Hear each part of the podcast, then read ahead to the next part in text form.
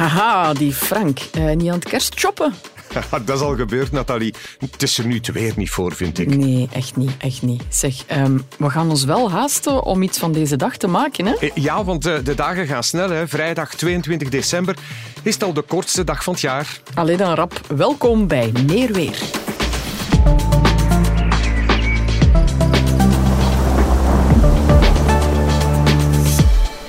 Ja, Frank, je zegt het al, uh, het regent. Wat zie je voor de rest door je raam? En kijk maar snel, hè, voordat het weer al te rap donker wordt.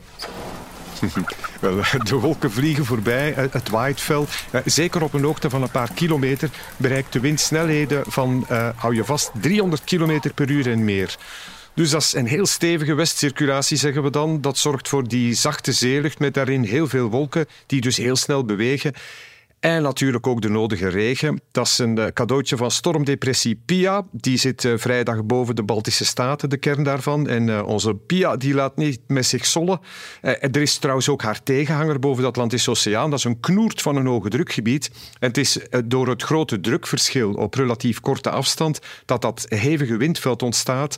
En in feite, Nathalie, hebben wij dan nog geluk, want in Nederland in Duitsland, in Denemarken, daar waait het nog veel harder. Oei. Uh, vrijdag trouwens meer van hetzelfde. Hè. Grijze start, jachtige wolken, paraplu goed vasthouden tijdens de buien. Blij zijn met de zachte temperaturen, uh, zo rond 10 graden maxima. Uh, misschien vrijdagnamiddag vanuit het westen toch wel meestal droog weer. En ik denk dat we vrijdagnamiddag in, ja, dat we toch wel een paar opklaringen gaan kunnen forceren. Daar ben ik blij mee, want onhandige ik loopt op krukken en als het geregend heeft, ik vind dat niet tof dat is nat, dat is gevaarlijk om meer uit te glijden. Ja, ja. Ja, ja kijk. Anyway, um, ja, dit weekend. En, en dan wil ik graag ook eens verder kijken. In dit geval eh, twee weken verder. Maar laten we met het weekend beginnen, Frank. Oké. Copy, paste, uh, knippen en plakken. Uh, het weer verandert nauwelijks. Hè. Dus altijd die strakke westelijke wind, uh, een stoet van regenwolken, tussendoor hopen op een straaltje zon. Maar als bonus wel uiterst zachte temperaturen. Dat is dit weekend bijvoorbeeld 10 tot 12 graden, viertal graden boven het langjarige gemiddelde voor eind december. Dus we kunnen sparen op de verwarming en de windturbines die draaien dat het een lieve lust is. Ja. En dan kijken we even wat verder in deze kerstvakantie. Uh, ja, het blijft anti-winterweer, zeg maar laat herfstweer. Dus algemeen gesproken een, vrij sombere kerstvakantie. Uh, meestal veel wolken, soms een regenzone of wat fijne regenbuien. Altijd die Atlantische zachtheid, zonder nachtvorst en geregeld strakke westelijke wind. In Meteoland bestaat er zelfs een, een term voor. We spreken dan over persistentie. Zoals het weer vandaag is, wel zo zal het ook morgen zijn. Dat is heel makkelijk. Uh, en we stellen inderdaad vast dat het weer dikwijls in schuifjes komt. Dus een aantal dagen min of meer hetzelfde. En dat lijkt dus nu het geval. Zeker voor de eerste week van de kerstvakantie.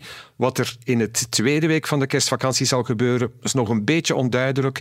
Waarschijnlijk zal het naar eh, volgend weekend toe een beetje afkoelen. Maar echt winterweer, dat zit er niet meteen aan te komen. Mm -hmm, dat belooft voor mijn vraag van straks. Maar eerst deze. Frank, wat gebeurt er boven ons hoofd? En waarom houdt de atmosfeer geen rekening met onze agenda? Ah, want ja, 22 december, dat is de kortste dag langs de nacht. Dan zou je toch mogen verwachten dat dat ook de koudste dag van het jaar is. Ja, gemiddeld gesproken zou je dat inderdaad kunnen verwachten. Maar ja, zo eenvoudig is het dus niet. Ja, kijk, we liggen vlak bij de zee. En omdat zuidwest tot west de meest voorkomende windrichting is, heeft het weer dikwijls de zee, de oceaan, als brongebied. Nu, zo'n oceaan die warmt maar heel langzaam op, die koelt in de loop van het jaar maar heel langzaam af. En zelfs nadat de zon op 22 december zijn laatste stand heeft bereikt, gaat die afkoeling van het zeewater nog een aantal weken door. Het is pas ergens in, februari dat het zeewater meestal zo'n laagste temperatuur bereikt. En dat heeft dus zijn gevolgen voor ons. In België is de koudste maand van het jaar januari niet december. En uh, februari even koud als december, terwijl we dan toch al zo'n twee uur meer daglicht hebben. Ja. Uh, die invloed van de zee, Nathalie, laat zich trouwens het felst voelen aan de kust. Hoe meer naar het binnenland, hoe minder invloed die zee heeft op ons klimaat. Concreet wil dat zeggen dat aan zee de koudste dag van het jaar gemiddeld gesproken later valt dan aan de andere kant van het land. Uh, bijvoorbeeld in Voeren of in Luik of in Maastricht. Oké, okay, boeiend. Dan, ja, eigenlijk moet ik het dan niet vragen. Het zal iets voor 24 januari zijn dan misschien, als ik het allemaal goed begrijp. Het is te warm, hè? Een witte kerst zal er niet in zitten, zeker, hè? Ik voelde hem komen. Uh, het is groen en grijs en nat, Nathalie. En uh, al die wind zal de kerstballen doen rinkelen, dus Jingle bells. Voilà, ja. En dat is dan veiliger onderweg. alles heeft zijn kanten en zijn voordelen. Even iets helemaal anders. Frank, hoe wisten ze vroeger eigenlijk wanneer het kerstmis was? Dat is een goede vraag. Um, kijk, tussen 22 en 25 december, ik heb het even uitgerekend, winnen we 35 seconden daglicht, Nathalie. 35 seconden. Begin daar maar aan, zonder horloges, zonder telescoop. En toch, duizenden jaren geleden wist men al exact wanneer de kortste dag van het jaar viel. Uh, kijk maar naar monumenten als Stonehenge bijvoorbeeld. Uh, die geven perfect aan waar de zon opkwam en onderging op de kortste dag van het jaar. Want naarmate de dagen lengen, verschuift ook de plaats aan de horizon waar de zon opkomt en ondergaat. Okay. Uh, eh, de huiswerk voor de volgende weken. Uh, als je die volgende weken heel nauwkeurig zou markeren waar de zon zich op de horizon bevindt, s ochtends en s avonds, dan dan zie je het. Dan is, dan is het echt duidelijk. Maar in feite is dat misschien wel het echte wonder van kerstmis. Een verschil van 35 seconden en bam, ze wisten het. Zalig. Amai. Bezigheidstherapie voor de kinderen deze vakantie. Dank u wel, Frank. Dan gaan we de wereld intrekken. Hè. Waar moeten we wel of niet zijn? Ik denk dat de luchthavens weer vol lopen, treinstations vol reizigers, auto's snelwegen slibben dicht. Oh, heerlijke reizigers. Waar zit je qua weer het beste tijdens de vakantie? Uh, liefst met stabiel weer en eerst de zonnige kant. Uh, dat is het gekende liedje. Zuid-Europa longt veel zon, maxima dikwijls 15 graden. Uitschieters tot 20 eh, graden op Kreta, het zuiden van Spanje. Dus geen bijna 30 graden meer in Malaga? De 30 graden van Malaga, nee. Je moet in Malaga tevreden zijn met 20 graden, wat nog altijd uh, een mooi gemiddelde is, denk ik. Uh, eh, 25 graden kan ik jou geven op de Canarische eilanden. Oké, okay, nice. En voor wie graag echt winter wil, sneeuw, skiën, après-ski? Uh, après-ski uh, blijft maar in eigen land, denk ik. maar de, kijk, de Alpen die krijgen veel neerslag. Eh, voor neerslag in de vorm van sneeuwvlokken moet je naar een hoogte van 1500 meter en meer. Daar valt er heel veel sneeuw, maar het gaat er ook hard waaien. En alles onder de 1500 meter aan de noord- en westkant van de Alpen, dat ziet heel veel regen vallen.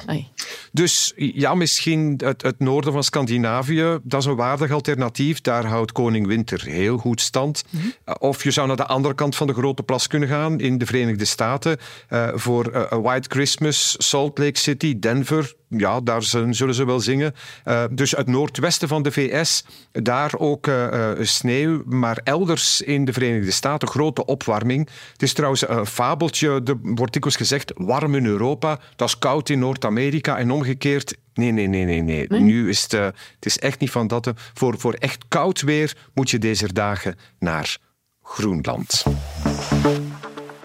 Maar Frank, je hebt ongetwijfeld ook nog een feestelijke weerspreuk voor ons. Feestelijk. Ik weet nog niet zo. Uh, zet u schrap. Uh, als met kerstmis de muggen zwermen, moet je met Pasen uw gat verwermen. uh, um, sorry. Het is... De, het is de volkse versie van de weerspreuk groene kerstmis, witte Pasen en witte kerst, groene Pasen. Voor alle duidelijkheid, de, de kans op een witte kerst die is al klein. De kans op een witte Pasen is nog veel kleiner.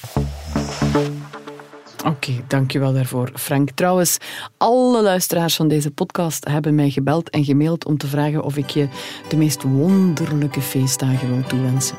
Dat ga ik uh, ja, met uh, veel plezier doen. En omgekeerd ook aan hen doen. Dus, mm, ja, uiteindelijk, uh, ja, het weer is wat het is, maar het, het, echte weer en de echte warmte, die, die zit binnen in ons allemaal. Als we die een beetje uitstralen, dan komt het allemaal dik in orde. Het zit van binnen. Maar ik wil wel nog heel graag je beroemde laatste zin horen. Misschien met een kleine twist? Ah ja, oké. Okay. Uh, volgend jaar ben ik er weer met meer weer. Alsjeblieft, dit was hem. Meer weer, een podcast van Nieuwsblad in een productie van mezelf, Nathalie Delporte. Muziek en montage, House of Media, met dank aan de feestelijke weerkaarten en nog altijd het zonnige zelf van Frank de Boze. Alright, tot volgend jaar.